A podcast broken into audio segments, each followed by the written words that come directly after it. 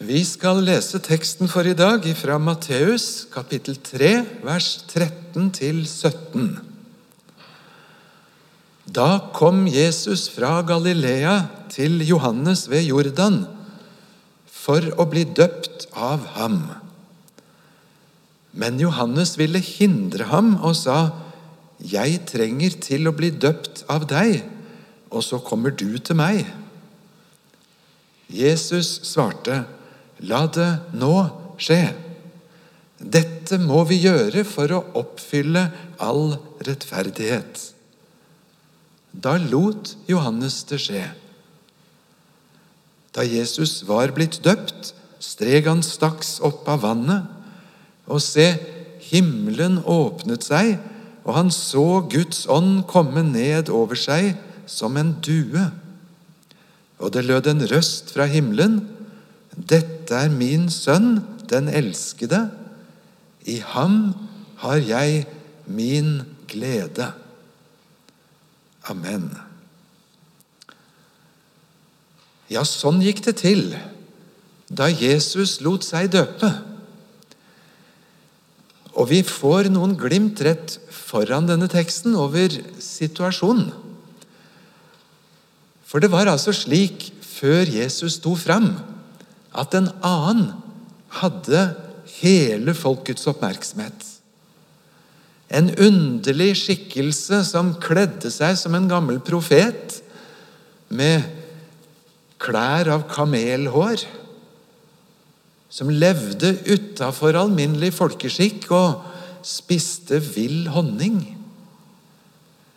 Og enda han befant seg langt utenfor de mest befolkede områdene, så var det kødannelser av alle som ville dit.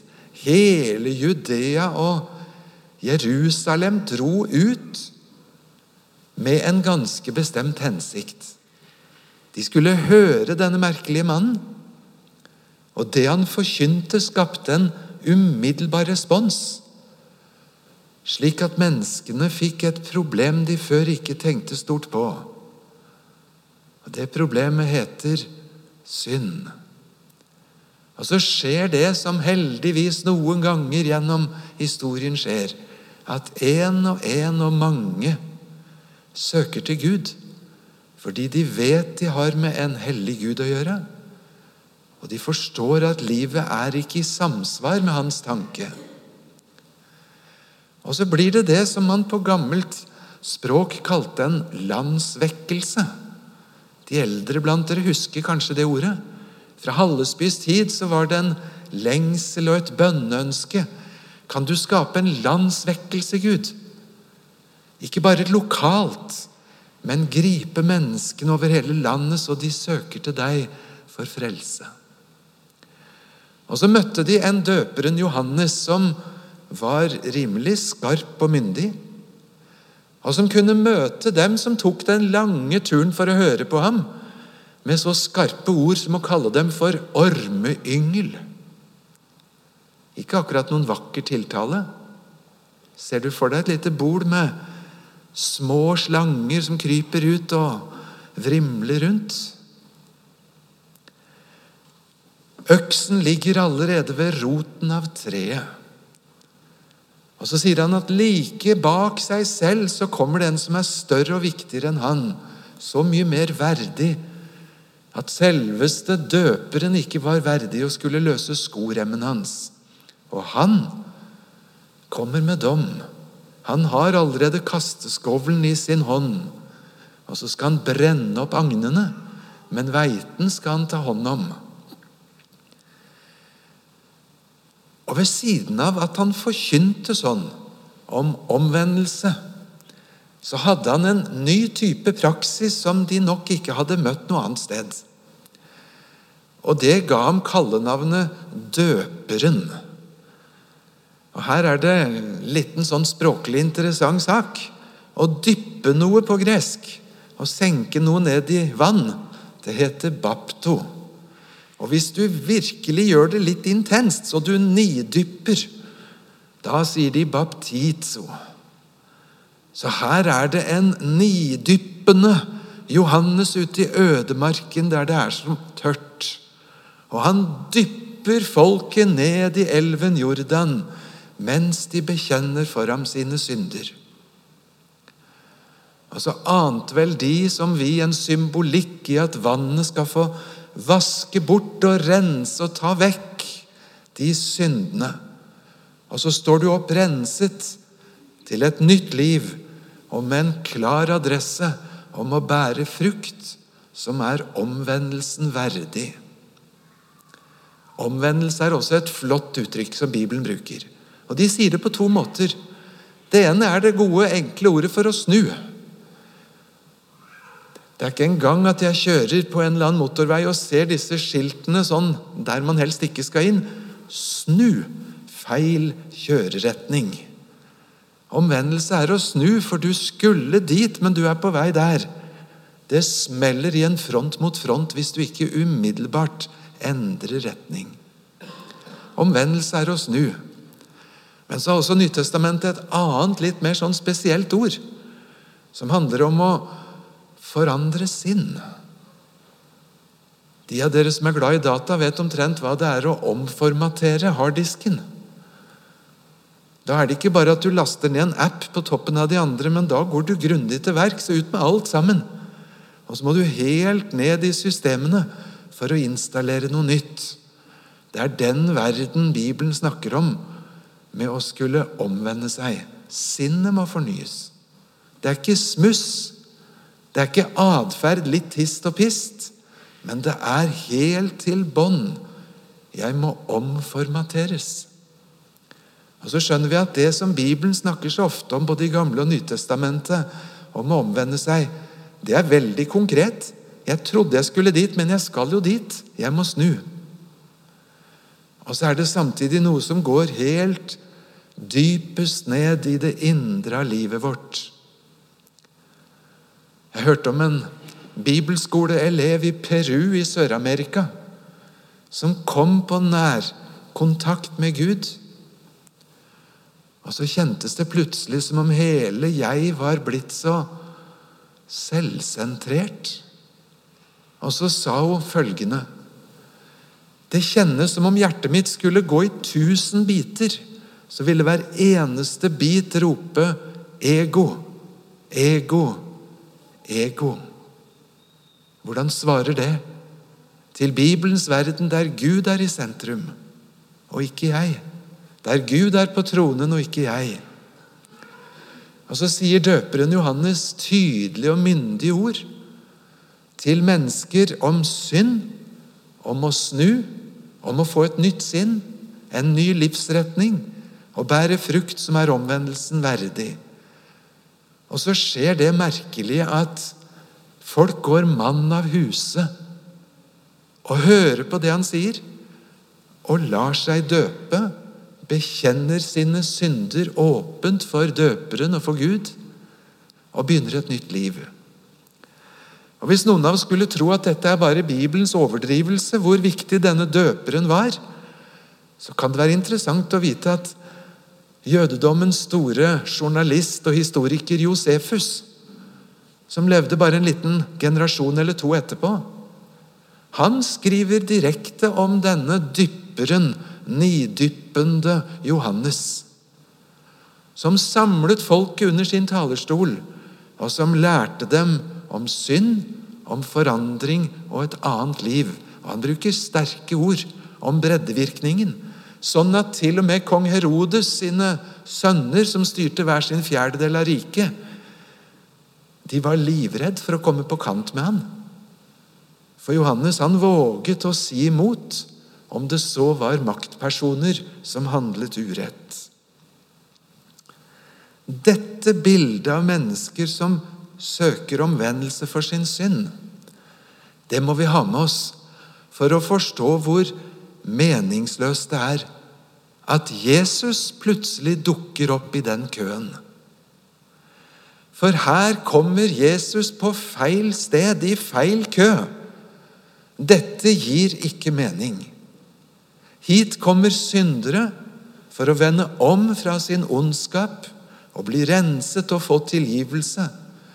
Og plutselig står han der, den eneste som aldri gjorde synd, som ikke hadde synd i sin tanke. Han hadde ingenting å søke tilgivelse for, og så står han i køen med alle synderne. Og da forstår vi at døperen protesterer. Han protesterer selve rangordningen i dette, som om døperen skulle være den store og Jesus kommer krypende for å få. Og Så sier han det var nå heller jeg som skulle bli døpt av deg, og så kommer du til meg. Og så har vi hørt teksten hvor Jesus ikke går i noen lang diskusjon. Det hendte jo Jesus gjorde det. Men her sier han 'la det nå, denne gangen, skje'. Og så sier han 'for slik er det nødvendig at vi oppfyller Guds rettferdighet'. Det var nok til at døperen lot det skje. Men det var ikke nok til at din og min nysgjerrighet helt har kommet i mål. Hvilken rettferdighet er det som oppnås? Ved at Jesus går i feil kø. At Jesus står i kø med syndere, han som ingen synd hadde, for å få tilgivelse, han som ingen tilgivelse trengte. Men vi forstår at det ligger en henvisning til Gud. Guds tanke, Guds plan, Guds rettferdighet. Slik er det nødvendig at du og jeg, Johannes, vi skal gjøre noe så stort som å oppfylle Guds rettferdighet. Og så lot Jesus seg dyppe ned i Jordanvannet. Og så skjer det noe ganske utrolig. Og Bibelteksten forteller oss ikke tydelig om dette er noe bare Jesus ser, eller om også døperen så det, og de rundt så det. Men plutselig åpner himmelen seg. Og Markus bruker et enda sterkere ord. Han sier hele himmelen revnet. Den spjæla. Det er liksom ikke bare et sånt kirurgisk lite snitt med en skalpell. Det er som om det revner. Og Samme verbet bruker Markus en gang til. Da Jesus døde på korset, så revnet forhenget mellom det aller helligste der Gud bor, og Israel ut mot det hellige og videre i tempelet. Det skjer noe så voldsomt som at himmelen ikke er lukket, men himmelen åpner dørene og lar Far, Gud den hellige, sin stemme runge og sier at 'dette er min sønn' den elskede. I ham har jeg min glede. Men det skjer mer. For samtidig viser Den hellige ånd seg i skikkelse av en due. Og Så blir dette en av de meget få bibeltekstene der vi møter både Faderen, Sønnen og Ånden på samme sted i den samme hendelsen. Far fra himmelen som tar ordet og utroper Jesus til den han er. Ånden som er til stede i skikkelse av en due, over Jesus som står der i rekken og køen av syndere i Jordanelven. Og Så forstår vi at det må ha vært en mektig hendelse for Jesus å høre far sin stemme og få se åndens nærvær. Det er som en tydelig marsjordre videre på denne veien som Jesus er gått inn i. Når Paulus skal forklare hemmeligheten, så sier han Han som ikke visste av synd, har Gud gjort til synd for oss. Hvorfor det? Jo, for at vi i ham skal få Guds rettferdighet. Og Nå kommer vi til poenget i denne teksten. Gud har bestemt fra evighet av at Jesus skal bli menneske. Og så skal han bli gjort til synd for oss. Og så stiger han frivillig inn i rekken av syndere. Og så setter Luther det på spissen når han forklarer det og sier de andre kommer fulle av synd, og ned i Jordanelven bekjenner synden og tilgis og renses og går rene opp igjen. Og med Jesus er det omvendt. Og Så sier Luther da Jesus steg opp av vannet der, så ble han den største av alle syndere. Så stor at døperen utropte ham, og se der, da! Det er Guds lam som bærer bort verdens synd. Hele verdens synd lagt på ham. Og så ble det omvendt med Jesus i forhold til de andre. Han som ikke hadde synd, ble gjort til synd. Og så tok han vår sak på seg. Og så har Gud i himmelen puttet alle dine synder og mine synder. Og Pilatus sine synder, og Nero sine synder, og Hitler sine synder. Og hvem du kan finne. Ned i den samme sekken og lagt den på Jesus' skulder. Og så blir han den største av alle syndere. Ikke bare for å solidarisere seg med oss. Jo, det ligger en kolossal solidarisering i det. Men om han døde som den mest solidariske helten og idol av alle, så var vi like langt. Hvis det ikke var for Bibelens hemmelighet Han er Guds lam som bærer bort verdens synd. Han tar den vekk. Syndene er bokstavelig talt forlatt. De er ikke der hvor de var mer. De er ikke på deg. Et Luther-sitat til. Synden kan bare være to steder, sier Luther. Enten så er den hos deg og henger rundt halsen din. Eller så er den hos Jesus og henger rundt halsen hans. Den kan bare være to steder. Enten er den hos deg, på deg, eller så er den hos Jesus og på Jesus. Og så går Jesus den vandringen fra Jordan en to-tre år mot Jerusalem, mot Golgata, mot korset. Og Når han dør for våre synder, så lyder det ingen himmelstemme som bekrefter at dette syns Gud er fint, og Gud er med ham. Nei, min Gud, min Gud, hvorfor har du forlatt meg? Og så må Jesus gå fredsmarsj alene. Og så ble han gjort til synd for oss, for at vi i ham skal bli rettferdige for Gud. Det var ikke ketsjup. Det var ikke skuespill. Det var ikke et rollespill som liksom bare skulle illustrere en tidløs sannhet. Men det skjedde en endring. Synden som lå på deg og hang rundt din hals, den er flyttet med himmelens løfte, heisekran, lagt over på Jesus og dumpet ned over han. Han ble gjort til synd som ikke var det. Og så står du og jeg fri. På sin vandring så sa Jesus ifølge Lukas 12.: Ild er jeg kommet for å kaste på jorden. Å, hvor gjerne jeg ville at den allerede var tent. En dåp har jeg å døpes med. Og så sa Jesus, Å, som jeg gruer. For det var ikke ketsjup, det var ikke rollespill. Han ble gjort til synd for oss. Og Det er forferdelig å falle i den levende Guds hender. Og så faller Jesus i den levende Guds hender, på dine og mine vegne. Og slik oppfyller døperen og Jesus Guds rettferdighet. Sånn at den ikke lenger ligger på oss. Da forstår vi at Jesu dåp er ikke helt det samme som den kristne dåp som du og jeg har fått døpes med.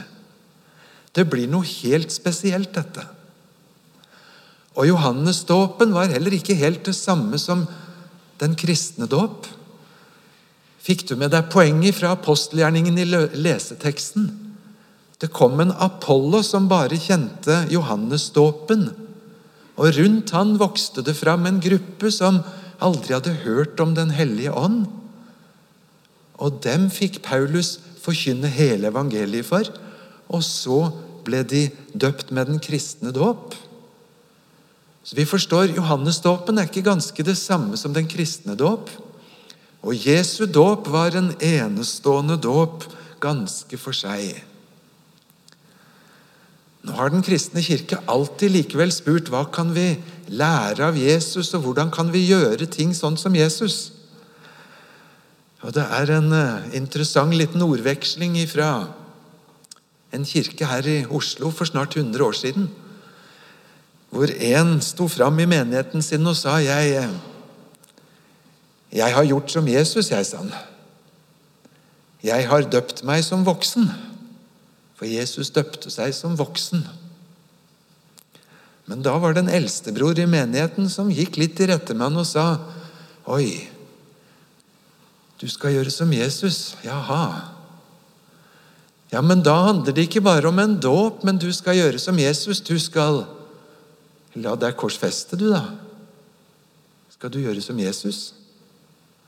Og Det er ikke nok med at du skal korsfestes og dø, for Jesus sto opp igjen av de døde. Du skal det òg, du, da, sa han skal du gjøre som Jesus.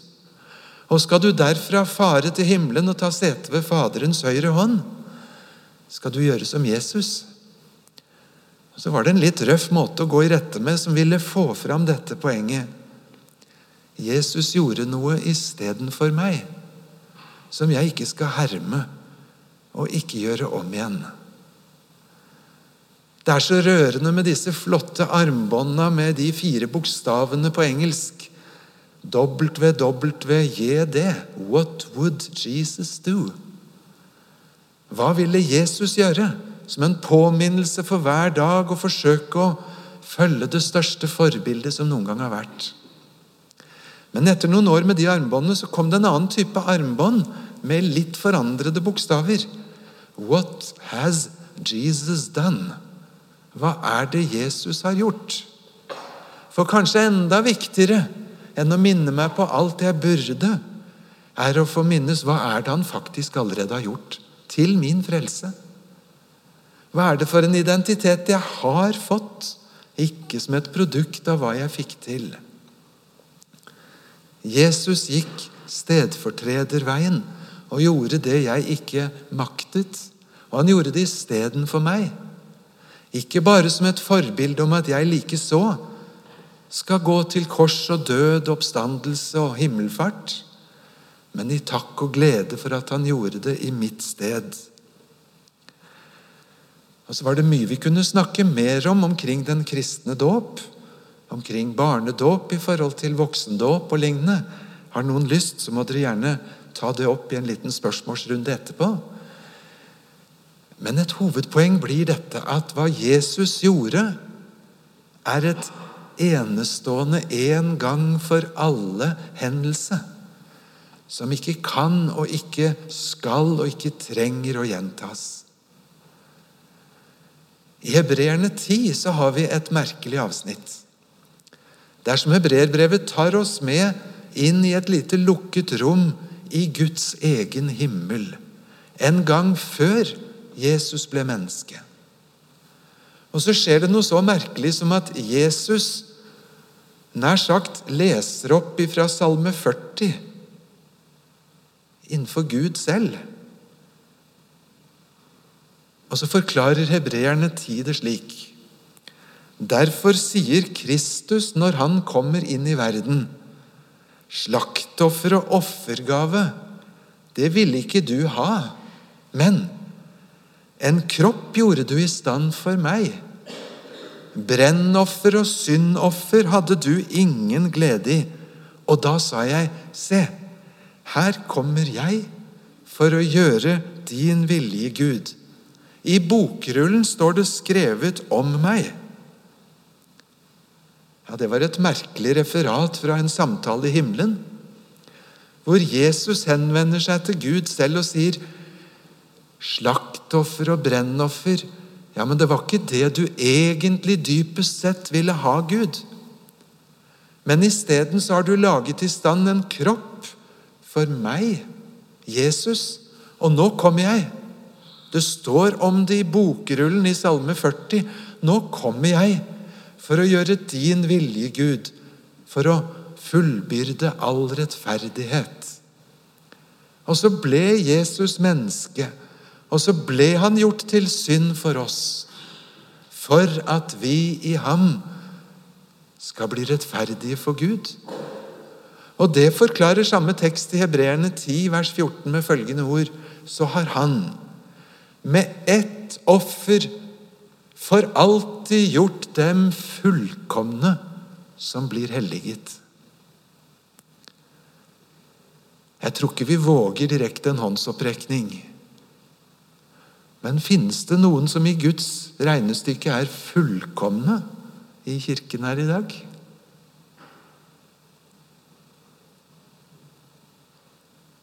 Med ett offer har han for alltid gjort dem fullkomne som blir helliget. Wow! Fullkommen etter Guds definisjon så fullkommen som Jesus er. Så renset for hver synd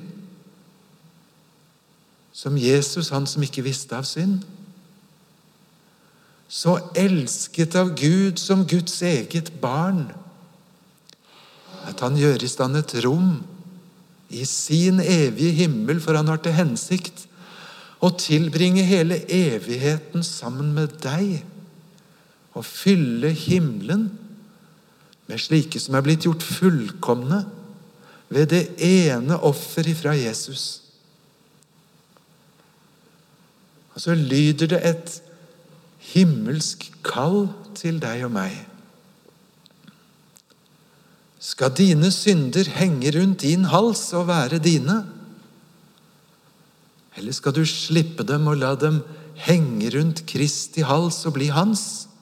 Han som bærer dem bort, han som soner og gjør det opp. Jeg måtte tenke en gang til over en hendelse som er 30 år gammel i sommer. Jeg har delt den med noen før, men for meg står den i en egen liten glans.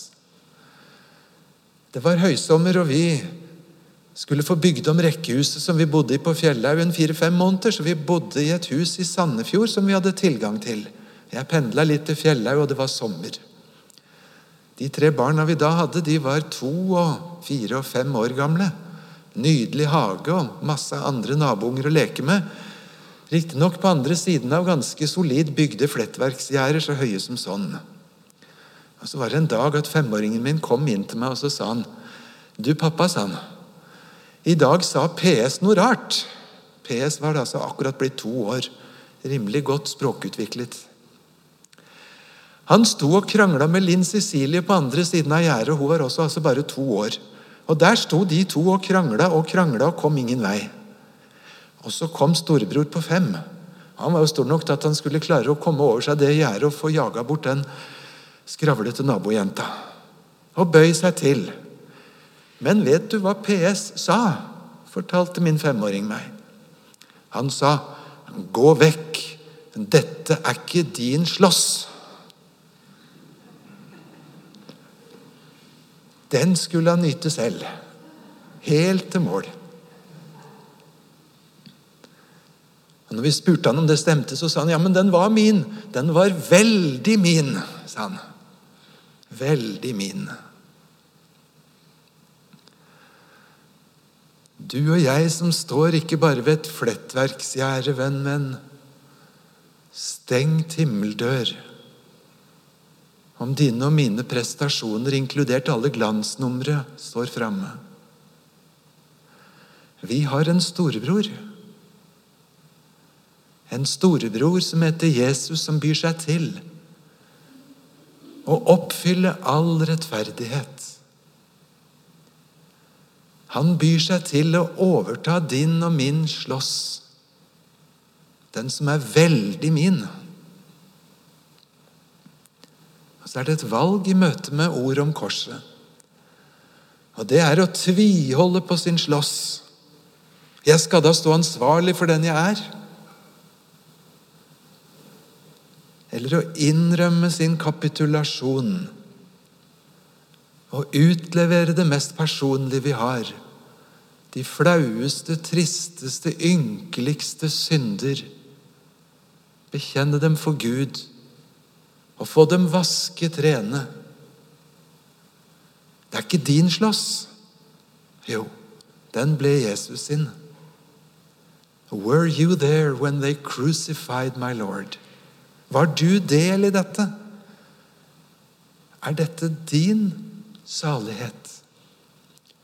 Han som ikke visste av synd, ble gjort til synd for oss, for at vi i ham skulle få Guds rettferdighet. Med ett offer har han for alltid gjort dem fullkomne som blir helliget. Skal du våge å stamme litt på ordet 'fullkommen' når du går eller kjører hjem fra kirke i dag? Når du kommer på badet og finner et speil, tør du se opp og spørre 'fullkommen'? Slik skal vi oppfylle all Guds rettferdighet.